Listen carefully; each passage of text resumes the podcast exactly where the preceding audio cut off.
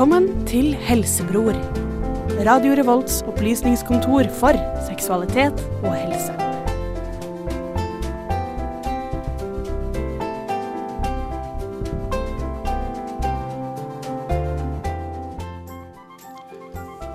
Hei og velkommen til semesteret kanskje, faktisk kanskje aller siste sending av Helsebror. Det er eksamensperiode nå, og det er en tid hvor en kan oppleve mye ensomhet. Dessuten så er vi midt i november, og det er endelig lov å si at det nærmer seg jul. Men dessverre så er det mye ensomhet for mange rundt denne tiden også. Hvorfor det? Heldigvis har jeg med meg Torstein, Mine og Gjermund med meg her i studio i dag. Og før vi kommer i gang, så skal vi høre på en eh, liten låt, og så skal vi eh, gjøre en liten innsjekk etter det. Husk å sjekke oss ut på radiorevolt.no, og lik oss på Facebook, Radio Revolt. Du hører på Helsebror på Radio Revolt. Velkommen tilbake til Helsebror. La oss høre litt rundt på hva folk har gjort uh, siden sist. Mina, Ja. jeg ser på deg. Se på meg. Jeg eh, har hatt eh, avansert hjerte-lungeredning i dag. Med Virkelig barn pasienter. Med dukker. Ja. Så både barn og spedbarn og voksne. Så hvis noen skal kollapse, så er dette dagen. Dette er øyeblikket. Ja. Jeg er klar. Rett og slett. Hva med du, Torstein? Har du lært å lære å redde noen liv? Nei, eh, i grunnen ikke. Jeg eh, Jeg har lært å ta noen liv. har heller ikke lært å ta noen liv. Ikke lært meg noen teknikker verken til eller fra på livsfronten. Okay. Nei, Der går i veldig mye skole om dagen. Det er eksamensperioder, da. Ja, eh, for min del så på en måte så er jeg ikke, jeg er ikke så bekymra for eksamen. Det er bare veldig mye innleveringer. Ah, Så veldig mye prosjektarbeid og ting som skal bygges og tegnes og skrives om. Og Uansett mye arbeid. plottes og printes og hele pakka. Masse, masse arbeid og mye designprosess. Mye iterativ designprosess som er uh, mye ganske ræva buzzwords som jeg blir ganske sliten av. Hva er iterativ? Iterativ vil si at du ikke kjører en ting fra start til slutt. Du går fra starten til slutten via eh, mange steg, og noen av stegene kan du gå om igjen. Så du er kanskje på en planleggingsfase, og så kommer du til en prototypingsfase, men så fant du ut at ah, her er det noe gærent, da må vi bort og planlegge litt mer. Jeg skjønner. Så hopper mellom stega, da. Ah, ja. Tilbake til skrivebrettet, ja. Ja. Du da, Gjermund? Mm. Hva har du gjort uh, siden sist? Uh, Det er uh, litt skolegreier, som folk flest der ute. Jeg driver med prosjektoppgaver og koser meg. Jeg har vært i Levanger i helgen hos min svigerfamilie. Mm. Det har vært koselig. Eh, Åssen gikk det? Det gikk veldig fint. Jeg fikk nå, er, nå er jeg inne i familien. Eh, Ok. Måtte være med på familiebilder og sånn. Så da eh, Der må vi gifte oss nesten, tror jeg. Ja, gratulerer med det på forskudd. Kan ikke skuffe mitt publikum når jeg først eh, har sagt at jeg kommer. Så sitter du i saksa. Ja. så det, det var jo ikke helt planen, men eh, det er Takk for tilliten, sier jeg bare. Det er, det er vel det beste jeg kan si om den saken. Ok. Ja, Men det var veldig hyggelig, det, altså. For okay. barnedåp. Så Det er hyggelig. Det var, Barnedåp er veldig kult. Hva, heter, hva ble navnet? Eh, Anja ble navnet. Okay. Det er ikke mitt barn. Visste du at det er noen i Norge som heter Homo til etternavn? Og så heter Isbilen? Hæ? Eh, til etternavn? Jeg utfordrer alle at jeg går på Google og så søker på Isbilen navn i Norge. Jeg Er helt sikker på dette her? Fordi jeg tror dette er en, en spøk. Sånn type tulleringingspøk. Kan være. Jeg lurer på om jeg har hørt uh, noe lignende. Men hvordan er han heter, han radioverten som endra navnet sitt til Vær så Ja, det er god, eller noe sånt? Ja, Espen Thorsen, vær så god. Ja. Takk for det. Humoristisk. Ja, kjempegøy. Eh, kjempegøy. Vi oppfordrer alle som hører på til å bytte navn til eh, hei, vær så god, eh, tusen takk, eh, gå pulere. Visste at det ikke er lov til å, å kalle folk for dyr lenger, sånn som bjørn? Er ikke lov til å hete lenger. Elg. Bullshit. Bjørn må være lov. Det må være lov. Det Nei, er, det så, det er et såpass indoktrinert uh, norsk navn. Det er helt sant. Det kan du også gå på Google og sjekke ut. Dette må vi google. Dette her må vi til bunns i. Nå skal jeg få en sønn, og han skal hete Bjørn. Ja. På Vi skal hete Val. Bjørnar og Hval. Sigbjørn. Hva? det høres så useriøst ut når jeg sier det på den måten. Min sønn skal hete Wolverine. Gærent. Sånn er det bare. Mandig navn. Pent. Ja. Men eh, vi kan komme oss videre med å snakke det, dagens tema. Vi skal jo snakke om ensomhet, så vi kan starte med eksamensperioden, som er kanskje det mest eh, reelle nå. I, nå. Men før den tid så kan vi sette på en eh, ny låt. Vi kan høre på Hanne Kølstø med 'Stein Saks' her i Helsebordet på Radio. Mammaen og pappaen deres traff hverandre for første gang. Og det slo gnister.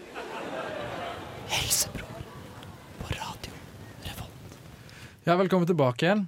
Vi skal jo snakke litt om eh, eksamensperioden og eh, ensomhet. Men f kanskje også definere hva ensomhet er først. Har dere noen tanker i det om det? Å føle seg alene. Bare føle seg alene? Ja. Så det er ikke det å være alene, men det å føle seg alene. Det er vel klassikeren at du kan være alene selv om du er med masse folk, hvis du er ensom. Ja. Det er, Jeg tror det. det er jo den kjipeste formen for ensomhet, tenker jeg. Det er bedre å føle at nå er jeg alene, så er jeg ensom. Det er verre å være med 20 mennesker og være shit, så ensom jeg er. Mm. Ja. OK. Det å føle seg alene, altså. Mm. Eksamensperioden. Du sa du at du har vært på lesesalen eh, flere ganger, Gjermund? Allerede? Jeg sitter på lesesalen tilnærmet hver dag. Eh, Åtte til fire? ja, litt varierende arbeidstid på meg eh, den eksamensperioden. Men eh, ja, jeg sitter jo der, da.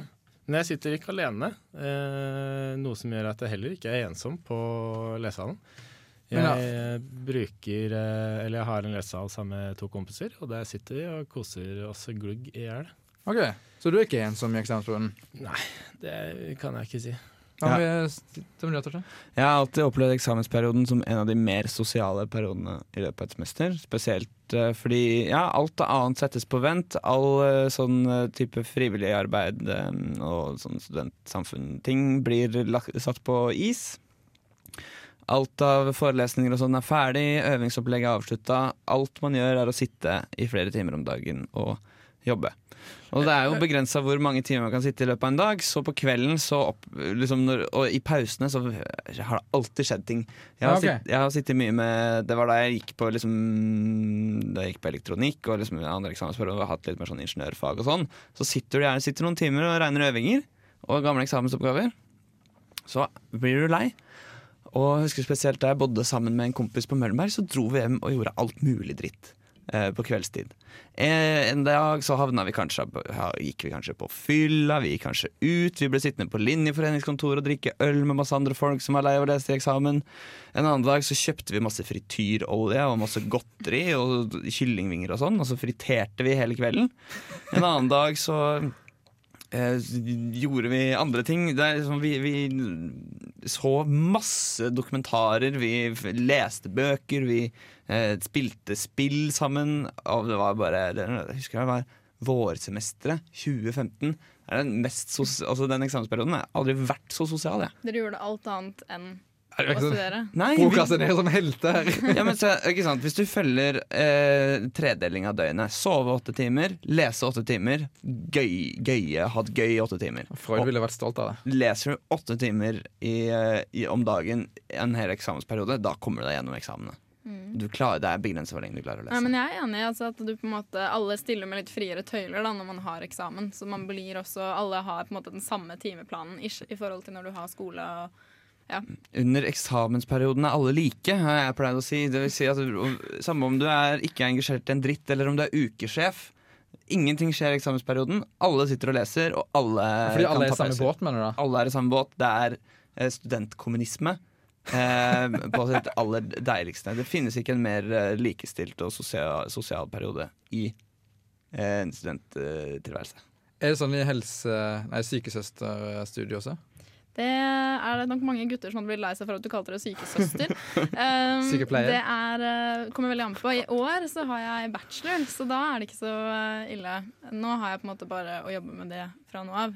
Etter Tidligere? vi leverte inn en eksamen. Men i fjor så hadde jeg praksis fram til juleferien. Og det er ganske kjedelig, fordi da har du på en måte jobb. Enten dagvakter fra klokka sju på morgenen eller kvelden til klokka ti. Ja. Når de andre har mer fri, da. Så det er det eneste som kan være litt annerledes. Ok. Det virker, jeg blir litt overraska at dere sier at det er så sosiale, allting skjer i på Det er da jeg føler meg mest ensom, eh, faktisk. Jeg sitter, Ja, I hvert fall I fjor så leste jeg historie, og da sitter du og har jo enormt stort pensum. Så sitter du bare og blar fra side til side åtte timer om dagen. Ja, men jeg er enig med Torstein her, altså. Fordi eksamensperioden er kanskje den tiden hvor jeg har eh, mest tid til å være på skolen med andre. Eh, jeg er ikke så veldig opptatt av å gå i forelesninger. Eh, noe som gjør at jeg kanskje faller litt utenfor eh, liksom det rent som skjer på skolen, da, sånn pauseaktiviteter på skolen, Ja. hvis man skjønner. Eh, og da er egentlig eksamensperioden er en kjempeanledning til å ta igjen alt det. Fordi der sitter man med sine kjære og nære eh, på lesesalen, og alle gjør det samme. All, hvis alle kommer til en viss tid, så kan man spise sammen. Eh, og da er det på en måte fokuset er ikke retta på skolegreier, men på alt annet. Det er ekstremt deilig. Og så vil jeg gjerne skyte inn en ting, eh, fordi vi snakka litt hva var det forrige gang at, om dette med hvordan bli lykkelig og sånn. Og da var det det med 67 timer sosialisering om dagen. Er Ja, det det stemmer det. Og sånn som min hverdag har vært nå, så har jeg gjerne eh, ikke så veldig mye forelesninger, men jeg har veldig mye gruppeprosjekt. Så jeg er, jobber i grupper fra klokka ni om morgenen til gjerne utpå ettermiddagen, og så har jeg møter her i studentmediene. Så hele dagen er jeg sosial i sikkert 13-14 timer om dagen, og så kommer jeg hjem til kjæresten min, og så vi sover sammen. Totalt sett så er jeg alene og konsentrert om mine egne tanker på vei til og fra skolen. Eh, og det merker jeg at det er ganske slitsomt å være sosial en hel dag. Men i eksamensperioden så kan du sitte konsentrert i åtte timer og være stille og ikke liksom forholde deg til andre folk. Og da er du bygd opp et sosialt liksom et, Bare et ønske om å være sosial og liksom kapasiteten til å være der på de timene. Okay, godt. Sånn at de siste liksom, sju, sju timene av dagen, da kan du være sosial uten å føle deg liksom oversosialisert. Da. Så det det er den tiden du bruker til å lade batteriene? Ja. Batteriene. Ja, la oss uh, fortsette etter en låt. Det er mye vi kan snakke om her. Uh, vi skal høre på Frances and the Lights, uh, 'See Her Out'. Du hører på Helsebror her på Radio Revolt. Velkommen tilbake igjen til Helsebror, ja. Eh, jeg hadde jo egentlig forventa at eksamensperioden var den perioden som var kanskje mest ensom, men ifølge dere så er det jo den som er mest sosial for søren. Ja, Men jeg- eh, vi kan snakke litt om noe annet, da. Hva med studenttilværelsen eller studentlivet? Kan det være ensomt? Det kan det så absolutt. Eh, jeg var jo kanskje inn en litt touch av det litt i stad, uh, når jeg sa sånn at hvis man ikke går i forelesning, så vil man eh, miste en del av det sosiale som skjer rundt klassemiljøet. Hilse på hverandre i gangen og Ja. sitte og spise i kantina. Det føler jeg at det, det er ikke jeg en del av. Av den simple grunnen at jeg ikke er flink til å møte i forelesninger. Jeg synes det er skikkelig kjedelig å være forelesning, fordi jeg får ingenting ut av det. Ja. Eh, og det er vel en ærlig sak. Så Ja, jeg er samme båt her. Så jeg Ja, men det er jo en prioritering jeg må gjøre, da. Kanskje jeg bør bli flinkere til å møte opp i forelesninger. Men føler du deg ensom av den grunn? Jeg føler meg ikke ensom av den grunn, det er jeg ikke. Men jeg føler at jeg mister eh, Jeg mister en del av det sosiale rundt, ja. Så det er viktig også kanskje bare møte opp forelesning av og til bare for å hilse på og si hei. Jeg faktisk eksisterer i Trondheim ennå. ja eh, men Ikke så nøye er med pensum, men Nei. eh, foran venner. Nei, men det er faktisk en viktig del av å gå i forelesning, er å møte folk. Men eh, jeg bare ser ikke helt nytten av det. Jeg syns det er skikkelig kjedelig. Back in the day, når jeg var tenåring. Det, Det var- Det er så lenge siden. Det er ganske lenge siden. Et 50 år siden, ikke det? Og da var det sånn at alle snakka om russetida, hvor gøy og sosialt det var. Men studenttilværelsen den var den som var mest sosial og mest gøy i livet. Det er den man liksom kommer til å sette seg tilbake til da, når man er eh, gift og 50, eller hva så. Men den er jo også det, da. Fordi eh, selv om man ikke møter opp så mye på skolen, så har man jo andre ting man kan gjøre også. Og det er det som er så fint med eh, studieperioden. Fordi da kan man finne interesser som ikke dreier seg om eh, skolearbeid. Det var jo radio på oss. Men for det er jo det som blir litt problemet òg, at det krever en viss innsats fra den enkelte å ikke være ensom. Du må jo gå inn for å få deg venner og være utadvendt og sosialt, og det er, er ikke like lett for alle. Mm, eh, ja, jeg er enig, og det er, det er absolutt viktig å snakke om. Men jeg tror det er litt sånn Jeg tror ikke at ensomhet nødvendigvis handler om mangel på muligheten til å være med folk. Fordi som student så har du muligheter til å gjøre alt mulig. Det er alltid, Uansett hvor kjip og dritt du er, så vil en eller annen studentorganisasjon ha deg. Ja, men det er Kanskje Start NTNU eller Tekna, Tekna tar deg uansett. Liksom. Men, det, det er riktig, det. Det er jo er akkurat det jeg sier, er at du må ha en innsatsvilje. Det ligger klart for deg, men da må du tørre å tre over den. Hvis du er en person som er en introvert eller noe sånt, og så skal du Det det er en terskel du må tråkke over da, for å bli med i en studentorganisasjon, som jo er løsningen for veldig mange som er ensomme. Absolutt. Men jeg tror også at eh, eh, mye av, av problematikken rundt ensomhet handler ikke om å finne evnen Eller noe av problematikken handler ikke om å finne folk å være sammen med, men heller det å trives alene. Fordi jeg, I hvert fall sånn i mitt tilfelle, så har jeg er jeg som sagt veldig mye med folk hele dagen. Både på skolen og gjennom studentfrivilligheten og med kjæreste. Med en gang jeg befinner meg alene, panikk. Gjør det virkelig? Ja, Ensomhet kommer med en eneste gang. Så jeg har mistet, på en måte, føler jeg har mista litt evnen til å være alene. Det er verre før, jeg har blitt flinkere til det nå. Så og liksom, jeg tror det er mye det der at når, hvordan føles det når du først er alene bare med deg selv? Jeg tenkte en del på det da jeg flytta eller, altså Jeg har jo bodd i kollektiv i mange år nå, men da jeg bodde med de jentene jeg bor med nå første året, så satt de veldig ofte i stua sammen, de tre, og var mye med hverandre. Og jeg hadde på en måte ikke det behovet. Jeg trengte å være litt alene. da Jeg trengte å sitte på rommet mitt når jeg kom hjem fra skolen. Det var sånn, Nå har jeg vært med folk, nå må jeg være alene litt. Spille litt Sims eller gjøre et eller annet sånt. Spille Sims, ja. Um, og det har jeg tenkt litt på at jeg lurer på om nesten kan ha litt å gjøre med at jeg er enebarn. At jeg er veldig vant med å være alene. Mm. Sånn at de andre som har søsken og alltid har hatt liksom masse liv i huset sitt, det er på en måte ikke min Det er ikke det som er min normal, da. Nei. Bare sånn for å gå litt inn i meg selv. Men jeg kan eh, være enig i det, for jeg er også enebarn. Og vi feirte alltid jul med besteforeldrene mine. Og som barn når du er sånn 10-12 år og du skal sitte og høre besteforeldrene dine snakke om personer du har ikke peiling over. Det er veldig interessant. Og da tenkte jeg at det var litt ensomt på julaften. Og det skal vi også snakke litt om videre, nettopp det med ensomhet rundt eh, juletider. Mm. Men da blir det jo spørsmålet her blir jo hvordan du tolker det å være alene, da. Ja, for min, Eh. altså det jeg sier, er på en måte mer ikke at jeg var ensom, men at jeg er så vant med å være alene og være komfortabel med det eh, der og da, at jeg hadde på en måte et sterkere behov for å være alene enn de andre. Hvis du skjønner ikke at jeg følte meg ensom. Men det er bare det Jeg trenger å være alene, da. Jeg orker ikke å være med folk Ja, hele ok. dagen. jeg. Da misforstår jeg litt I motsetning til Torstein. Ja, okay. Ja, ja men fordi jeg har, har jo på en måte ønska meg evnen til å kunne være alene, og savna i hvert fall det å liksom konsentrere meg veldig eh, om en ting. Enten det er liksom dataspill, som, eh, som jeg tror er en veldig fin ting for mange å bruke for å, for å sone ut litt. Mm. eh, for å liksom roe ned huet. eh, I mye større grad enn å se på film, egentlig. Eh, eller, eller lese bøker prøver jeg å gjøre liksom, i mye større grad. Bare for å bli liksom, bedre kjent med det å sitte i tre-fire timer uten å sende melding eller ringe. Eller være med folk, eller være ute og drikke øl og sånn. Jeg tror det er en viktig egenskap å ha. Altså, det er så deilig. og så vil det føles veldig altså, Hvis du ikke er vant til det, så tror jeg det vil føles veldig ensomt veldig fort. Mm. Mm. Jeg vet ikke om en ting for studenter kan være at du flytter vekk fra alt det kjente og mamma og pappa og det, liksom den trygge havnen din litt. da. At det også gjør at du kjenner litt mer på at du er alene enn du gjør når du er hjemme. Ja, det tror jeg. det ukjente. Mm. Ja, men samtidig er det nok eh, mange som også finner mer ensomhet hjemme eh, enn du ville gjort eh, i Trondheim. Da. Det tror jeg. La oss snakke litt videre om det her. Eh, vi kan sette opp en eh, ny låt eh, igjen. Vi kan høre på Ala Las med Could Be You. Du sitter og hører på Radio Revolt her på fuck. Velkommen tilbake igjen til uh, Jeg vil påminne om at dere må sjekke ut radiorevolt.no, og så ikke minst trykk på like på Facebook-gruppa vår, som er Radio Revolt, blant annet også. Men jeg synes, over til ensomhet igjen. Jeg synes jeg tenkte på, Det er litt rart sånn sosialt fenomen at mange eh, opplever seg ensom rundt juletider.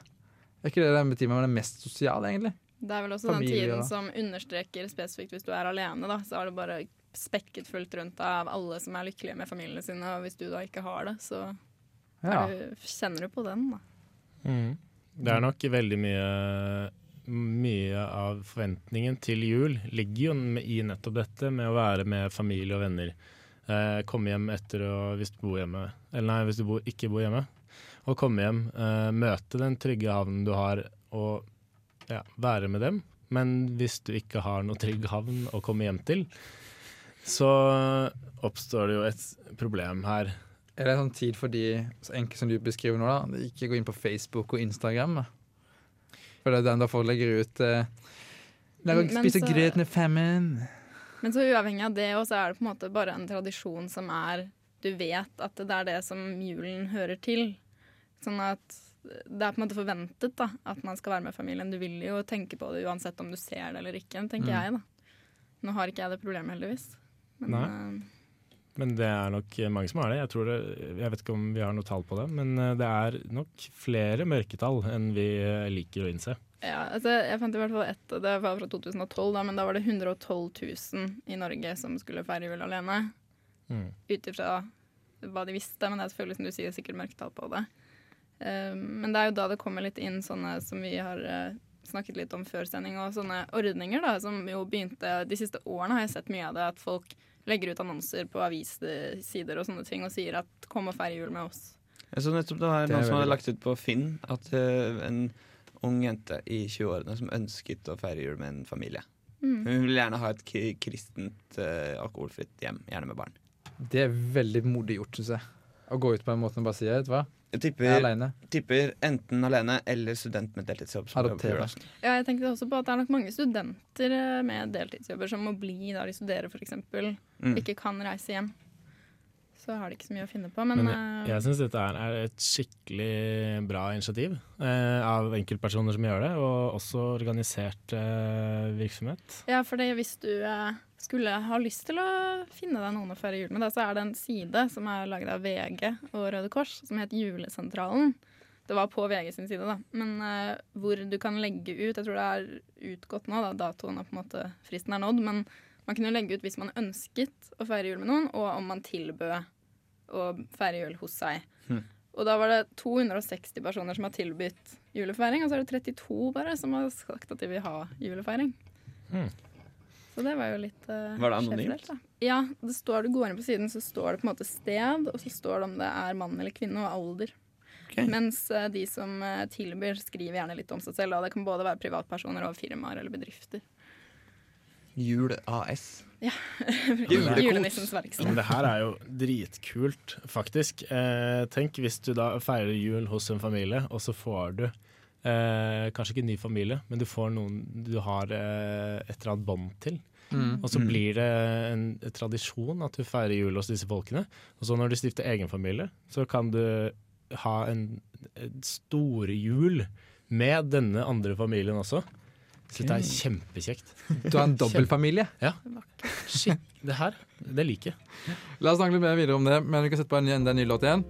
Uh, vi kan sette på File Fair med Easier For You. Du hører på Helsebror her på Radio Revolt. Og evighetens port.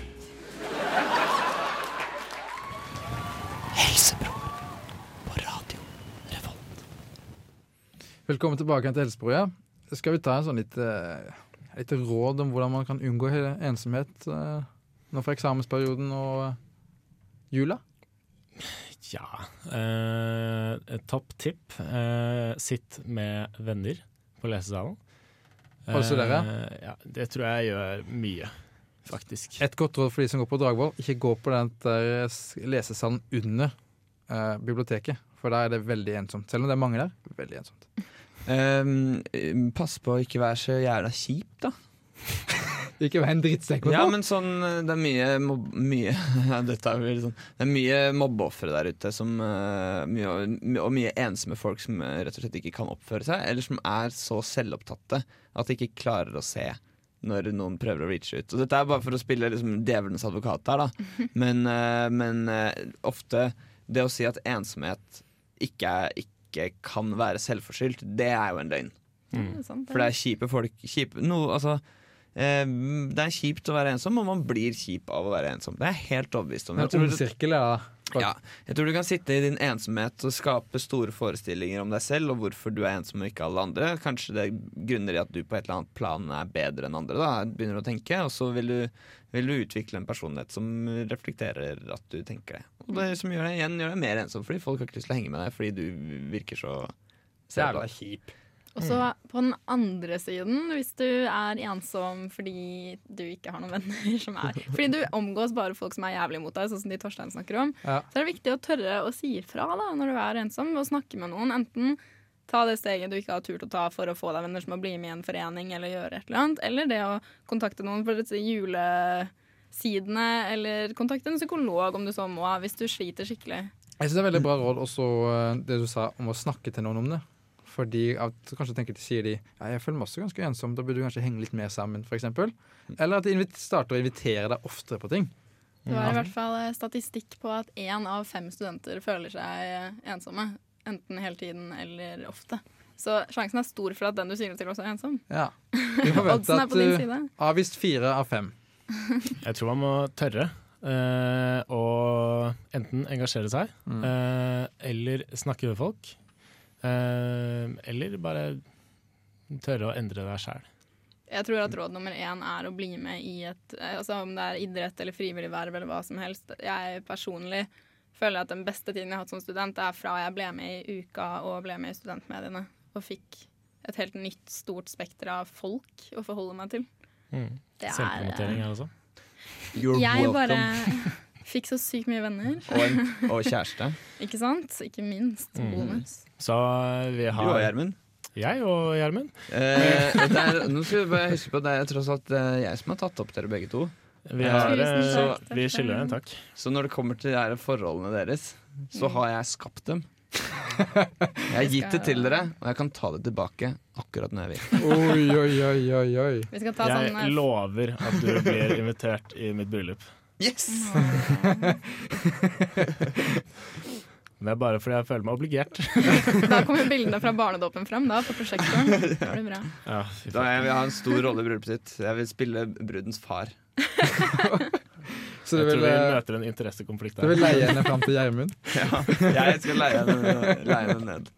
Da må du ta skjegget først. Da driter vi i det.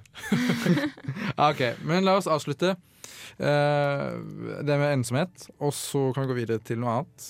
Vi kommer tilbake, og dette er jo Helsebyrås siste sending. Ja, det var egentlig det jeg prøvde å si nå, da. Jeg La oss høre på.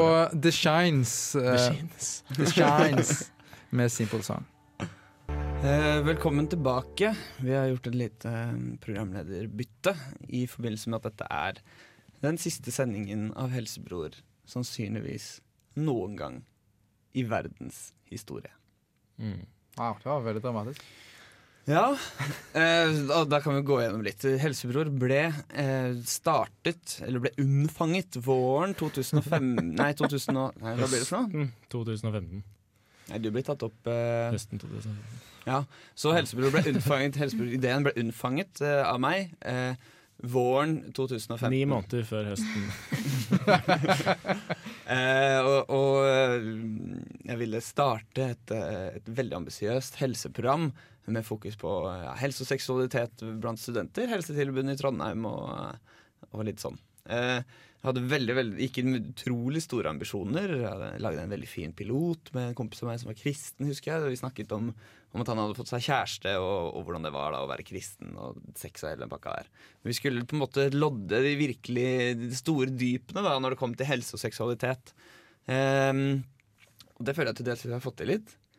Ja. Du ble jo tatt opp eh, høsten 2015.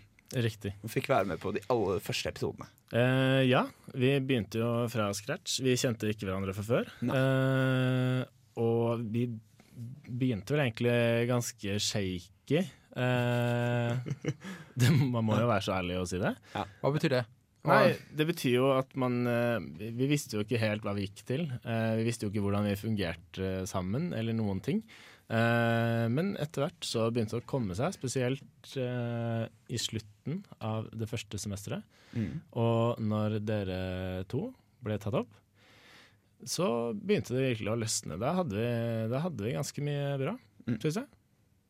Ja, det er, det klart Programmet har jo forandret seg siden jeg på en måte drømte det opp på egen hånd. Eh, og, og dere har vært med å forme det. Og vi har eh, hatt mange samtaler sammen. Men nå skal det ta slutt. OK. Herlig. Eh, eh, hva er grunnen til at vi skal Eller, eller hva, skal, hva skal dere finne på? Ah, Si det, altså. Det skal gå i tenkeboksen litt og finne på noe skikkelig bra, tenker jeg da. Det eneste vi kan være sikre på, er at vi blir i radioen. Eh, så til deg som eh, lytter på oss nå, eh, du blir ikke kvitt oss, dessverre. Eh, Preben, du har tenkt å videreføre ideen om helsebror? er du ikke det? Ja, litt, eller omdøpe det litt. Jeg vil gjerne ha et helseelement i mitt program. Eh, jeg tenker å snakke om et program som handler om identitet etter nyttår. Mm. Så jeg prøver å holde på å utvikle det nå. Men jeg, jeg, må bare over til den andre. jeg er litt veldig spent. Kommer vi til å være venner etter det her, eller kommer vi til å bli sånn kalde blikk til hverandre? og Sånn? Sannsynligvis ikke. Altså, Jeg tenker, å, det så- første jeg skal gjøre når jeg kommer hjem nå, er å slette dere alle fra Facebook. Steg én. Nei, men jeg tror, eh, jeg tror vi kommer til å være venner, ja. Men ikke i like stor grad vi har vært. Eller ikke sånn veldig Hvorfor ikke det, ja, men ikke sånn. Vi har jo ikke eh, noe med hverandre å gjøre, for så vidt. Bortsett fra på en måte, obligatorisk møteaktivitet Ja, men da og får lignende. vi det frie vennskapet, Men det og ikke er- tvungne. Hva er det dere snakker om? Vi henger jo sammen masse på, på fritiden, på fester, i helgene. Ja, vi har ganske mye felles omgang omgangskrets, Gjermund. Ja, vi eh, og Mina også, for så vidt. Ja, Mina, jo- det er jo det er ting lov- som skjer. Det er jo, vi er jo del av den samme familien. Vi ser hverandre hele tiden. Ja da. Jeg ser dere jo sjeldnest i Helsebror. som, dessverre er litt, som dessverre er litt av grunnen til at vi nå har bestemt å henrette eh, programmet. Wow, henrette utpå. Eh, å, ja, det er, det er rett og slett eh, Du vet sånn man driver med mm, Når man brenner ned en skog for at det skal bli bedre grobunn, så tar vi noe og Mm. vi, fra scratch igjen. vi har ikke hatt god nok tid til å forberede programmene. Vi har ikke hatt eh, Engasjementet har ikke vært der. Vi var ikke de rette til å ta Helsebror-ånden til det stedet den trengte å være. Nei. så nå driver vi rett og slett litt eh, svibruk. Jeg merker det når du sier sånt, da er det så bare ta opp den fakkelen på trass. Og ikke forteller meg at jeg ikke klarer det her. Ikke fortell meg sånne ting, og så tar jeg den, altså. Det har vært en uh, fantastisk reise, og vi har vært innom et uh, ganske bredt spekter av temaer. Vi har snakket om alt fra selvmord til uh, Cerebral parese og analsex. ja. Relatert til hverandre her, eller? Ja, ikke sant. Mm. Vi har hatt eh, mye fine gjester i studio. Vi hadde han eh, Johannes eh, med cerebral parese. Det var veldig bra. Mm. Vi hadde en fyr som har prøvd å ta selvmord, eh, som eh, ja, gjorde et veldig veldig sterkt intervju. Vi har eh, snakket eh, med folk i eh, Erotikk 1. erotikk, en, erotikkbransjen. eh, angst har vi pratet om. Ja. Ja, doktorstipendiaten som var med. Nora fra Ja. Skam har vært i studio. Åh, Kjendisfaktor. det er ikke dårlig. Nei, men jeg syns Når var det hun har det? Det var ikke jeg her. Eh, Det var en, det en Si stund tilbake. Ja, hva fem min tid, da? Kan hende det var. Faen, jeg glipper det. Nei, Men men eh, ja, ja, jeg syns det har vært bra. Mm. Sånn overall, det har vært veldig gøy. Eh, jeg kunne ønske vi var mer profesjonelle eh, og litt mer driv i å drive med de tingene vi egentlig skal gjøre. Men samme det, evalueringa kan vi ta oss imellom. Eh, så kan dere, alle de som kommer til å savne Helsebror, skal få lov til å høre på alle sendingene våre. De ligger ute på radiovolt.no. Medvirkende i Helsebror-konseptet har vært Gjermund Prestegårdshus, Mina Fredriksen og Preben Sivertsen i studio sammen med Kristina, som var, var med i programmet en liten periode. Eh, Frida Hempel var medvirkende i både Unnfangelsen og eh, Medvirkende i unnfangelsen, ja OK. Og også eh, produs produseringen av eh, Pilot. Vi har fått hjelp av eh, hele studentmediene og Radio Revolt-ledelsen på den tid. Eh, Hans Ystanes og Chris Monsen, som i sin tid godkjente programkonseptet. Eh, og generelt ellers alle som har vært eh, gjester i studio. Yngvild Aas, Ellen Befring Thomassen, Marie Haaland har vært produsent det siste semesteret og gjort en kjempejobb. Eh, og da gjenstår det vel egentlig bare å si tusen hjertelig takk for oss.